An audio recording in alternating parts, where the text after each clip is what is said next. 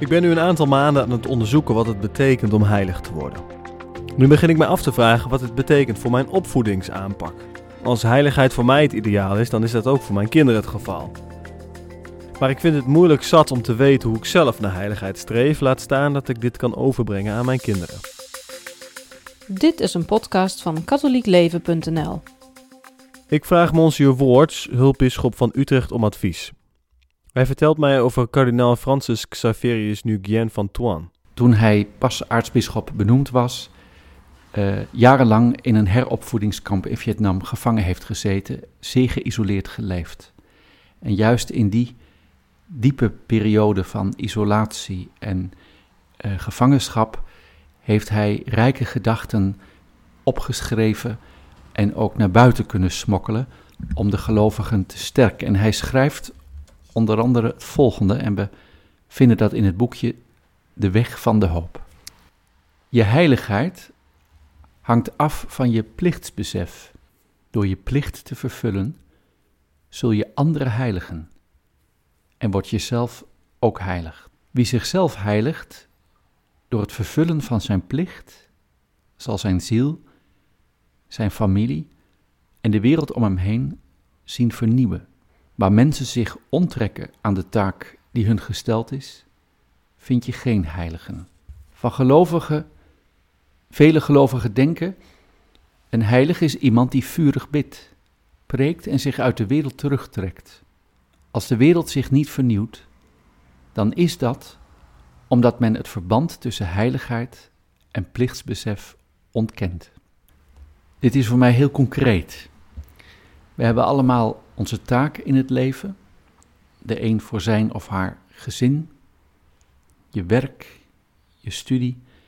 In mijn geval als hulpbisschop van het aartsbisdom Utrecht. Mijn taken voor het bisdom als ook voor de gehele kerkprovincie. En ik probeer bij alle dingen die ik doe te beseffen, dit is nu de mogelijkheid die God mij geeft om zijn liefde concreet te maken. En dat die woorden van uh, aartsbisschop Francisca Xavierus Nguyen, die helpen mij om gewoon de plichten die ik heb te doen, met aandacht en zorg te vervullen. Heel concreet, als ik op een gegeven moment weer mijn computer aanzet om de e-mails te gaan bekijken en te beantwoorden, kan ik schrikken van de hoeveelheid die dan binnenkomt en waar allemaal op gereageerd moet worden. En dat ik het dan vooral zie als een last. Maar ik kan ook denken, nee, hier komen vragen van mensen of zaken die ze me voorleggen, waarmee zij verder moeten. En dat is een kans die God mij geeft om zowel deze mensen als ook de kerk weer verder te brengen. En ik begin dan ook, wanneer ik mijn e-mails ga beantwoorden, eerst met een gebed. Dat de Heilige Geest me helpt om goed te verstaan wat mensen me voorleggen en daar ook op een juiste wijze op te antwoorden. Nou, door zo om te gaan met de concrete dingen die we te doen hebben, in relatie met God, onze roeping als christen in deze wereld, ja, word ik onder andere geholpen door deze woorden van uh, de voormalige aartsbisschop van Saigon. Ja. ja. wat ik er ook mooi aan vind, want dat gaat het dus nog niet zozeer om dat je heel veel extra dingen erbij doet, mm -hmm. maar dat je begint met de dingen die je sowieso doet of, of moet doen, om die dan op een bepaalde manier te doen. Ja, ik moet zeggen, ik vind het inderdaad nog best, best lastig, juist omdat je dan merkt, um, ik, ik, als ik ben dan overdag aan het werk ja. en dan uh, ja, vind ik leuk, dan ben ik ermee bezig en dan maar soms is als je gewoon thuis bent, je moet gewoon hele kleine ja, dingen doen als, als, als afwassen. En, um, um, maar ook soms gewoon het, het, het, gewoon even spelen met de kinderen of zo. Dan vind ik dat, dat is best lastig om dat dan echt te doen met het idee van oké, dit is net zo belangrijk. Dit, is, dit, hoort, er, dit hoort erbij uh, dan, dan werken of zo. Wat, wat soms wat vaak wat, uh, wat, wat groter lijkt of zo ja. spannender is, ja. uh, waar je resultaat misschien op, op kortere termijn ziet. Ja. Wat mij helpt, uh, als ik mezelf bedenk, dat, dat kan een moment zijn, Dat kan een situatie zijn waarin ik op dat moment ben. Hoe kan ik dit mooier, schoner, liefdevoller achterlaten dan voor het moment dat ik daar was? Dat kan concreet zijn wanneer ik op straat loop en ik zie daar een, een plastic flesje liggen. Uh, dat laat ik het liggen of ruim ik het op en gooi ik het verderop in de vuilnisbak. Dus heel concreet iets. Ik ruim iets op, waardoor de plek waar ik op dat moment schoner wordt. Maar dan ook daarbij te bedenken, maar dit is deel van Gods schepping, Gods wereld. Maar dat is ook de situatie als je na een spannende werkdag uh, mooie dingen hebt gemaakt uh, en dan thuis komt en die afwas staat daar. Ja, dat is allemaal een bijdrage aan dat je huis en je gezin hè, kan zijn wat het moet zijn. Nou, dan zijn ook die kleine, onzichtbare, niet spannende dingen wel van groot belang. Dus dat is ieder, het moment is ons gegeven door God en de situatie waarin we zijn. En ook al kunnen, zijn dat situaties waarin we niet bedenken, God, dit heeft God gewild. Maar hoe kan ik in deze situatie, op dit moment, ja, iets laten oplichten van die liefde van God? Door de aandacht voor een ander. door je kind een extra ei over de bol of te gaan spelen, ook al heb je misschien meer zin om, om lang uit op de bank te liggen en te gaan seppen over, he, bij wijze van spreken. Uh, wat is essentieel op dat moment?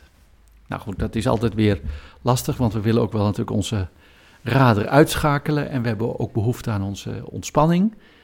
Maar is, zijn de momenten die we benutten, dragen die werkelijk bij tot onze groei en de groei van de ander of de situatie waarin we ons met elkaar bevinden. Even terug naar mijn gesprek met de kluizenaar pater Hugo Beuker.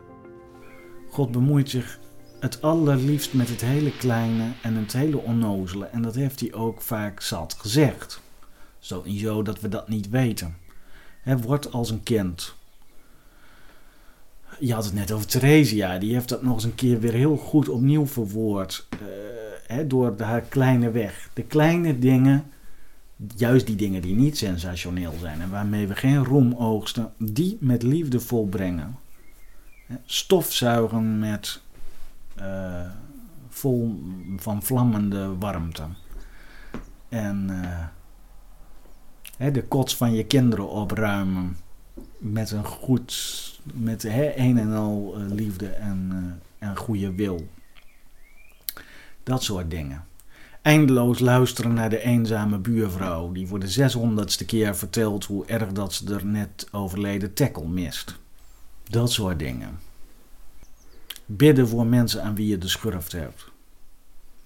Dat is trouwens, die kan ik aanraden. Als je, dat is de beste methode om de, onze lieve Heer te verleiden zich actief te bemoeien uh, met je. Dat is bidden voor mensen aan wie je de pest hebt. Vind ik altijd nog de beste trigger uh, die er is.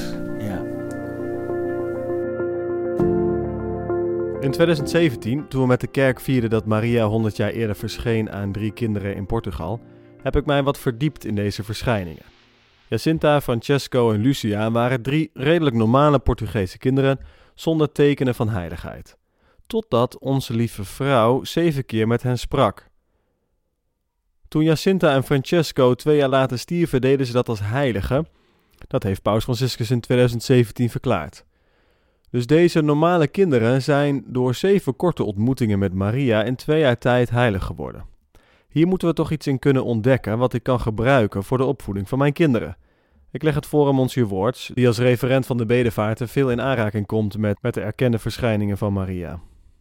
Als we kijken naar het leven van Lucia, Jacinta en Francisco, maar ik zou ook de heilige Bernadette daarbij willen betrekken, um, dan zien we dat het, om het woord te gebruiken, normale kinderen waren. Uh, ieder met zijn eigen karakter, ieder met zijn eigen uh, talenten en ieder met zijn eigen onhebbelijkheden. Um, en de verschijningen die zij hebben mogen ontvangen, zijn zo fundamenteel voor het vervolg van hun leven. En dat zien we bijvoorbeeld bij Jacinta heel uitdrukkelijk. Dat zij eh, dingen waar ze daarvoor tijd aan besteden, dat niet meer doet. En dat geldt ook voor Francisco. Die had een sterke neiging om ook de, de eenzaamheid op te zoeken voor gebed. Dus dat moet een overweldigende ervaring voor deze kinderen zijn geweest. Dat zij die glimp van de hemel uh, hebben mogen ontvangen via ons lieve vrouw. Dat uh, vooral bij Francisco en Jacinta heel sterk, uh, omdat zij natuurlijk te horen hadden gekregen dat ze niet lang zouden leven op aarde, dat het verlangen naar de hemel heel sterk was.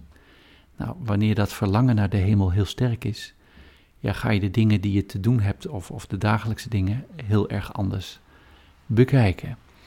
Lucia daarentegen had nog een hele opdracht. Dat geldt ook voor Bernadette. Die uh, was 14 toen ze de verschijning ontving, maar is op 35-jarige leeftijd overleden en heeft het grootste deel van haar leven uh, als religieuze doorgebracht. Nou, Bernadette is bijvoorbeeld niet heilig verklaard omdat ze de verschijningen heeft gehad. Er zijn meer mensen die verschijningen ontvangen van de Heer zelf of Maria, maar die niet door de kerk heilig verklaard zijn. Maar we zien, zowel bij Bernadette als bij de kinderen van Fatima, dat zij eh, vanaf die verschijningen heel uitdrukkelijk hun tijd en het lijden dat ze ontvangen hebben, eh, opgedragen hebben aan God. En heel erg daardoor met Jezus verbonden waren. Um, we zien bij Jacinta en Francisco dat zij ook echt, uh, en Lucia, dat ze echt naar de kerk gingen om daar in stilte bij het tabernakel te bidden. Ik spreek er later ook over met een vriend, Gerry Konen. Hij is een vader van vijf kinderen en iemand die altijd wel iets zinnigs heeft te vertellen. Bovendien is hij beleidsmedewerker jeugd en jongeren en beleidsmedewerker catechese voor de bisschoppenconferentie, dus een soort van catechese-expert voor kinderen. Ik vertel hem dezelfde observatie over de verschijningen van Maria aan Jacinta en Francesco. Dat uh, want dan zeg ik gewoon hetzelfde, toch? Dan uh, tegen mijn kinderen uh, maak ik de beste kans. Ik bedoel, als iemand het weet hoe je heilig moet worden, is het, is, is het onze lieve vrouw. En, nou, en blijkbaar werkt het ook, want ze zijn ja. in twee jaar tijd heilig. Dan zou je eigenlijk even moeten kijken naar de boodschap van, van ja. Maria. En ik denk ook van waar begint het mee en de, en, en, en, en de visioenen die ze krijgen. En ik denk, laat ik zeggen, van een boodschap krijgen van een verschijning van Maria is denk ik sowieso al een beetje wauw, zeg maar. Maar ik denk wat het meeste impact heeft gemaakt, zou ik dan hebben, is dat je echt mee wordt genomen in een andere wereld. En uh, in een wereld waarin je uh, ziet dat wat je doet consequenties heeft. En dat, het niet, dat je leven niet kan leiden op basis van wat leuk gevoel of mijn eigen wereld. Maar dat, het, dat wat je doet ook echt een impact heeft en, en, en een verschil heeft. Bij de, en ik denk dat dat wel, ja, als ik kijk naar opvoeding van mijn kinderen, daar even aan, op, op hou is dat er is geen, als het gaat om een impact hebben uh, om je heen, geen betere opvoeding dan, dan, dan de katholieke leer daarover. Sowieso heb je de katholieke sociale leer over je naast, et cetera, et cetera. Maar de basis begint wel waar de tien geboden mee beginnen. En wat de oude Grieken hebben gezegd wat nodig is in een maatschappij, is het geloof in een God. Hè, die ons de wetten en normen en waarden geeft om, om in te handelen. En die ook juist zijn om, om, om dat te volgen. En, en daarbij hoort, als, als, je, als je het niet volgt, ja, volgt daar een consequentie. Hè? Dus als je de wetten van de natuur, dus ik ga op boom staan en ik zeg ik spring eruit, dan is automatisch dat ik te plet val. Dat is nou allemaal de wetten van de natuur. En als ik niet voor de weg, de waarheid en het leven ga, dan kies ik voor, ja, voor de dwaling, de leugen en de dood. Dus voor een kind is het, is het er is niks simpelers en niks mooiers en niks natuurlijkers dan ons te houden aan, de, aan een kind te openbaren wat de realiteit is. En, um, en dat is denk ik wat Maria doet. Die laat daar een realiteit zien wat aan de meeste mensen voorbij gaat. En ik denk ook dat als ik nadenk over de, de hel, de vage vuur, uh, en uh, dat, dat dat die boodschap eigenlijk naar kinderen spontaan wordt overgeslagen tegenwoordig. Dat men altijd wordt gezegd, God is liefde, God is liefde, God houdt van jou, God houdt van jou. En ik denk dat dat dat het waar is en dat die boodschap zeker naar kinderen moet worden verteld. Maar men is altijd bang om de hel te vertellen aan kinderen. Want ja, ja, dan, dan krijgen ze nachtmerries van, weet je wel. En, eh, en, en eh, ja, dan, dan, dan zien ze overal demonen en spoken en duivels. Maar mijn, eh, mijn opvatting is dat het, dat is helemaal onterecht. Dat is helemaal niet waar. Ik merk zelf dat het juist heel bevrijdend geeft als je ze vertelt hoe de wereld in elkaar zit. En datzelfde geldt met de, met de straf van, nou ja, weet je, we, hebben iets moois, dat heet de biecht. En, en, en, als je iets fout hebt gedaan, als je een ruit in een stuk gegooid, kun je, kun je vergeving krijgen. Maar dat betekent ook dat je die ruit moet repareren. En, uh, en dat betekent ook uh, dat je iemand hebt gekwetst en dat je dat, dat moet goedmaken ergens. Dus dat is, ja, wat ik zeg, de, de, de, de, de het spijt me zeggen, de herstel naar, naar, naar, papa mama toe. Dat is, wij zeggen altijd, als je iets fout doet, moet je sorry zeggen. Maar als je sorry zegt, is daarmee natuurlijk nog niet af. Want je hebt natuurlijk iets gedaan wat niet mag. Dus dan moet je diegene die je pijn hebt gedaan, moet je ook uh, sorry zeggen. En als het een, een ernstige vergrijp is, zoals je met koekjes uh, opgegeten, ja, dan uh, zijn die koekjes zijn ook op. Dus je zult ook iets van een, um, van een goede werk moeten doen om dat te compenseren.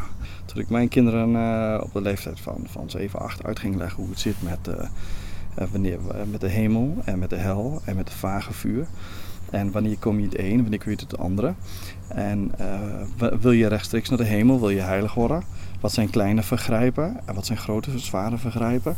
En, en willen wij niet direct naar de hemel gaan, maar willen we ook goede werken uh, verrichten om een ander te helpen om daar te komen. Willen we de maatschappij helpen met de geestelijke werken. En die hele geestelijke werken, dat is, dat is het fundament om, een, om een kind te leiden met hand in hand naar God toe. Want ook als papa het niet ziet, ja, God ziet het goede en God ziet het slechte. En God beloont het goede en, uh, ja, en, en, en, en, het slechte wordt, wordt bestraft.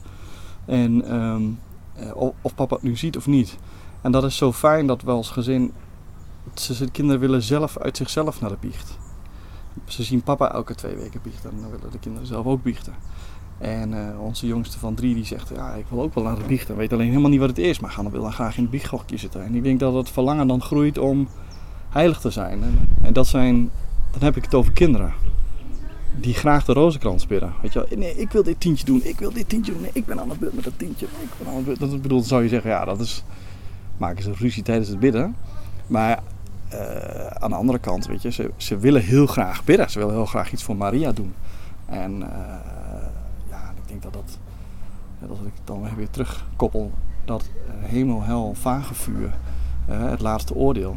Dat zijn, dat zijn dingen die, die vaak worden vergeten, maar die, die essentieel zijn voor het, voor het opgroeien van, van een kind. Van het besef van waar ben ik mee bezig, dat is de realiteit. Waarom zouden we de realiteit verbergen?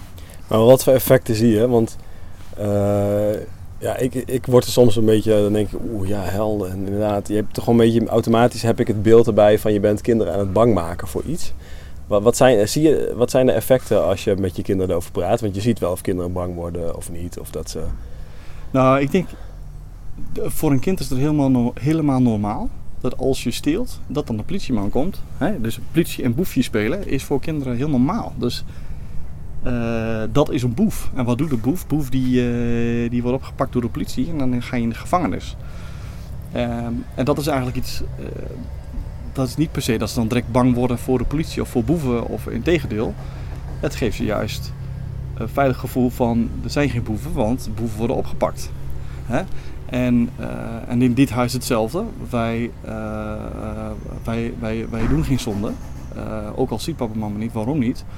Omdat, omdat dan zeg maar de, stuk rechtvaardigheid komt. De politieman moet om de hoek komen om dat recht te zetten. En als we zover zijn gegaan, dan is er in ieder geval altijd nog vergeving. Dus je ziet altijd, bij mij in ieder geval, met mijn kinderen als ik het uitleg, eerder een realisatie van: hé hey, cool, dus ik kan, dus ik kan heilig worden. Dus ik kan rechtstreeks naar de hemel gaan en daar iets voor doen. Dat is eigenlijk de eerste reactie. En als je dan ziet van, joh, dat zijn ook consequenties voor degene dat het je fout doet. En je legt vervolgens dan uit de barmhartigheid van God de Vader uit. Dan zie je helemaal die ogen helemaal groot worden van papa, wanneer kunnen we biechten? Dan zie je ook dat het verlangen om recht te zetten uh, groter wordt. Hè? Dus, uh, en, en niet uit een angst, maar uit een, ja, ik weet dat ik dat gedaan heb. En, en, en, en eigenlijk zitten ze daar ook mee. Want de zonde bevlekt een kind altijd. Dat neemt je altijd in een neerwaartse spiraal mee. Dus het is veel beter om dat te benoemen, zodat je ze die genade kan geven van een, van een biecht. Als wij uh, gebiecht, wel met z'n allen gebiecht hebben, of door de week een mis hebben gedaan, ja, dan zie je het, uh, dan zie je het gewoon, trekt het effect in het huis. Je ziet gewoon de genade, de, de, die is daar. Ook voor de kinderen, juist voor de kinderen. Dus ik, ik zou ook niet zonder kunnen wat dat betreft. Oké, okay, dus weer tot ons tijd voor onze gezamenlijke afsluiting van uh, aflevering 4. Ik ben er klaar voor. Jij weet nog niet waar deze aflevering over ging, want we hebben het er nog niet over gesproken. Vertel. Opvoeding van onze kinderen. Oh jee. Of ja, van kinderen in het algemeen, maar dus ook van onze kinderen. Ik heb het over gehad met Monsieur Worts en met Gerry. Mm -hmm. en ook hier komt wel weer terug waar ik in aflevering 3 met kardinaal Eijk over gesproken heb. Is eigenlijk de blik op oneindig hebben. Dat dat voor ons de manier is voor heiligheid. Is om, uh, eigenlijk is dat wel een samenvatting van veel. Pater Elias zei al van... Het gaat om waarom doen we de dingen? Wat is ons doel? Waarom doe je versterving? Waarom wil je deugden beoefenen? Nou, en dat is eigenlijk wat kardinaal Eijk zegt. Is, je moet, eh, het is zo goed om de blik op het oneindige, op de eeuwige te hebben. Op de, op, hopelijk op de, onze eeuwige tijd met God. Mhm. Ehm, en dat is waar we naartoe willen, dat is ons doel. En dat is eigenlijk, dat is ook wel een conclusie van de gesprekken met Gerry en Monsieur Woords, is wat je je kinderen wil meegeven. Precies dat. Dus dat is het perspectief. En wat interessant wat Gerry deelt, is hij, hij zegt dingen die denk ik voor veel mensen vrij ongemakkelijk voelen. Uh, omdat hij deelde van, hey, wij, wij uh, veel mensen die hebben, ja, voelen ongemak bij als het gaat om bijvoorbeeld de hel, om straf, om zonde. Dat is iets waar we ons allemaal een beetje ongemakkelijk bij voelen. Nou, Niet allemaal, maar veel mensen. En laat staan dat we er met kinderen over gaan praten. Ze denken, nou, het laatste wat je moet doen is om daar met kinderen over te spreken. Nou, dat doet hij dus wel met zijn kinderen. Hij zegt, nee, ik ga hij zegt, je moet de werkelijkheid, de waarheid zoals die is, moet je helemaal vertellen aan kinderen. Anders mm. begrijpen ze niet wat er om hen heen gebeurt. Dus dat betekent ook, net als Maria in Fatima aan de kinderen een beeld van de hel geeft. Mm Van je zou denken, nou Maria, dat is toch absoluut pedagogisch onverantwoordelijk om aan kinderen van, uh, van die leeftijd, van wat is het, 7, 8, 9, nee 9 denk ik, 19, om, om over de hel te gaan vertellen. Laat staan ze iets van te laten zien. Nou, dat is wel interessant, toch? Ja, klinkt logisch. En het mooie is van wat Monsieur Woord zei, is hij begon met een geschrift van uh, kardinaal, weet ik of het goed zeg, Nguyen, kardinaal Francis, Francis Nguyen van Tuan. Mm Via de meeste kardinaal, daarom zijn naam zo onmogelijk. Um, en die schrijft, voor mij, sorry, ja. En die, die schrijft dus vanuit de gevangenis, hij wordt, wordt gearresteerd. Maar wat hij dus ook mooi over heeft geschreven, is waar begint het mee als je heilig wil worden? Zeker als, ook, maar ook als leek, ik wil niet zeggen zeker als leek, maar in ieder geval ook als leek, is plichtsbesef. Dat is eigenlijk het begin. Dus als je het gaat hebben over ik wil heilig worden, mhm. en ik was vaak begonnen met oké, wat voor extra offers kan ik maken? Maar hij zegt nee, het begin is plichtsbesef. Doen wat hoort bij je staat in het leven. Dus in mijn geval getrouwd zijn, vader zijn. Dat is daar waar ik moet beginnen. Dat, is, moet ik, wat, dat moet ik goed doen, zo goed mogelijk. Dus niet van, oh, wat voor extra beschimmeld brood kan ik eten? Of, of, uh, of op, de, op, ja, op, de grond, op, de, op de grond slapen. Of uh, weet ik niet, al die dingen is niet verkeerd, maar het begint niet daar. Het begint bij doen wat de staat van je leven vraagt van je. Zonder te mokken. Zonder te mokken uit. Ja, of ja, hoe, dus hoe je het doet, wat je doet en hoe je het doet, maakt heel veel uit. En hij zegt eigenlijk, je kan niet heilig zijn zonder, uh, zonder dat te doen. Zonder je, je, je plicht te volbrengen. Dat is natuurlijk wel logisch. En ik, ik moest aan denken, ik weet niet waarom, maar um, een hele tijd terug, um, uh, toen woonden wij samen in een studentenhuis. Klinkt echt heel fout als je het zo zegt. we woonden, ja, goed, we woonden niet samen. We woonden allebei in het woonden allebei in een studentenhuis. En toen was er een jongen die deed nooit zijn taken die hij moest doen. Zeg maar, dus hij had altijd een Ja. bepaalde taken. Ik weet niet wat, maar stel stofzuigen van de gang Ik of de was wel. doen of zo. Ja? Ja, dat Je weet over wie ik het heb. Mhm. En dat deed hij nooit. Nee. Maar hij ging wel andere dingen doen die niet zijn eigen taken waren. Heel merkwaardig. En dan heb ik me afgevraagd van, hoe zit dat nou? Maar blijkbaar, als er dan iets moest of zo, hè, de druk zat erop, het moest, dat wilde hij niet doen. Dan, dan, dan kostte dat, weet ik niet. Dan, op een of andere manier kreeg hij dat dan niet uit zijn, uit zijn handen. Maar als het niet hoefde, als het iemand anders zijn taak was, deed hij het wel. Maar daar dacht ik, dat is onze natuurlijke neiging. Ik zeg, ik wil nu niet over deze persoon negatief over deze persoon spreken, want ik heb hier begrip voor. Ik, ik snap dit wel. Want Ja. ja, ik, ik heb hier echt begrip voor. Ik snap heel goed dat je... Ik nog steeds niet zo heel Nou, veel. dat ga ik jou proberen uit te leggen. Vertel waarom dit onze menselijke neiging is. Want- Ik wil niet zeggen dat het goed is wat die persoon deed. Maar ik begrijp het wel heel goed. Want ik heb ook die, die neiging om te zeggen... ik doe liever... zeg maar de dingen die ik moet doen... die bij mij horen... die mijn plicht zijn... dat... weet niet, op een of andere manier is dat zwaarder... dan dingen te doen waarvan je denkt van... oh, je kan, dit, dit is ook wel een goed wat ik kan doen. Soms moeilijk om je plicht te doen. Mee eens? Ja, kijk, als je dat gewoon zou zeggen, dan ben ik het met je eens. Oké. Nou, dat moet je dus wel doen. dat is de conclusie. Dan moet je dus beginnen. Dat is het begin. Nou, dat vond ik heel mooi. Mooi. Dit was een podcast van katholiekleven.nl. Bedankt voor het luisteren.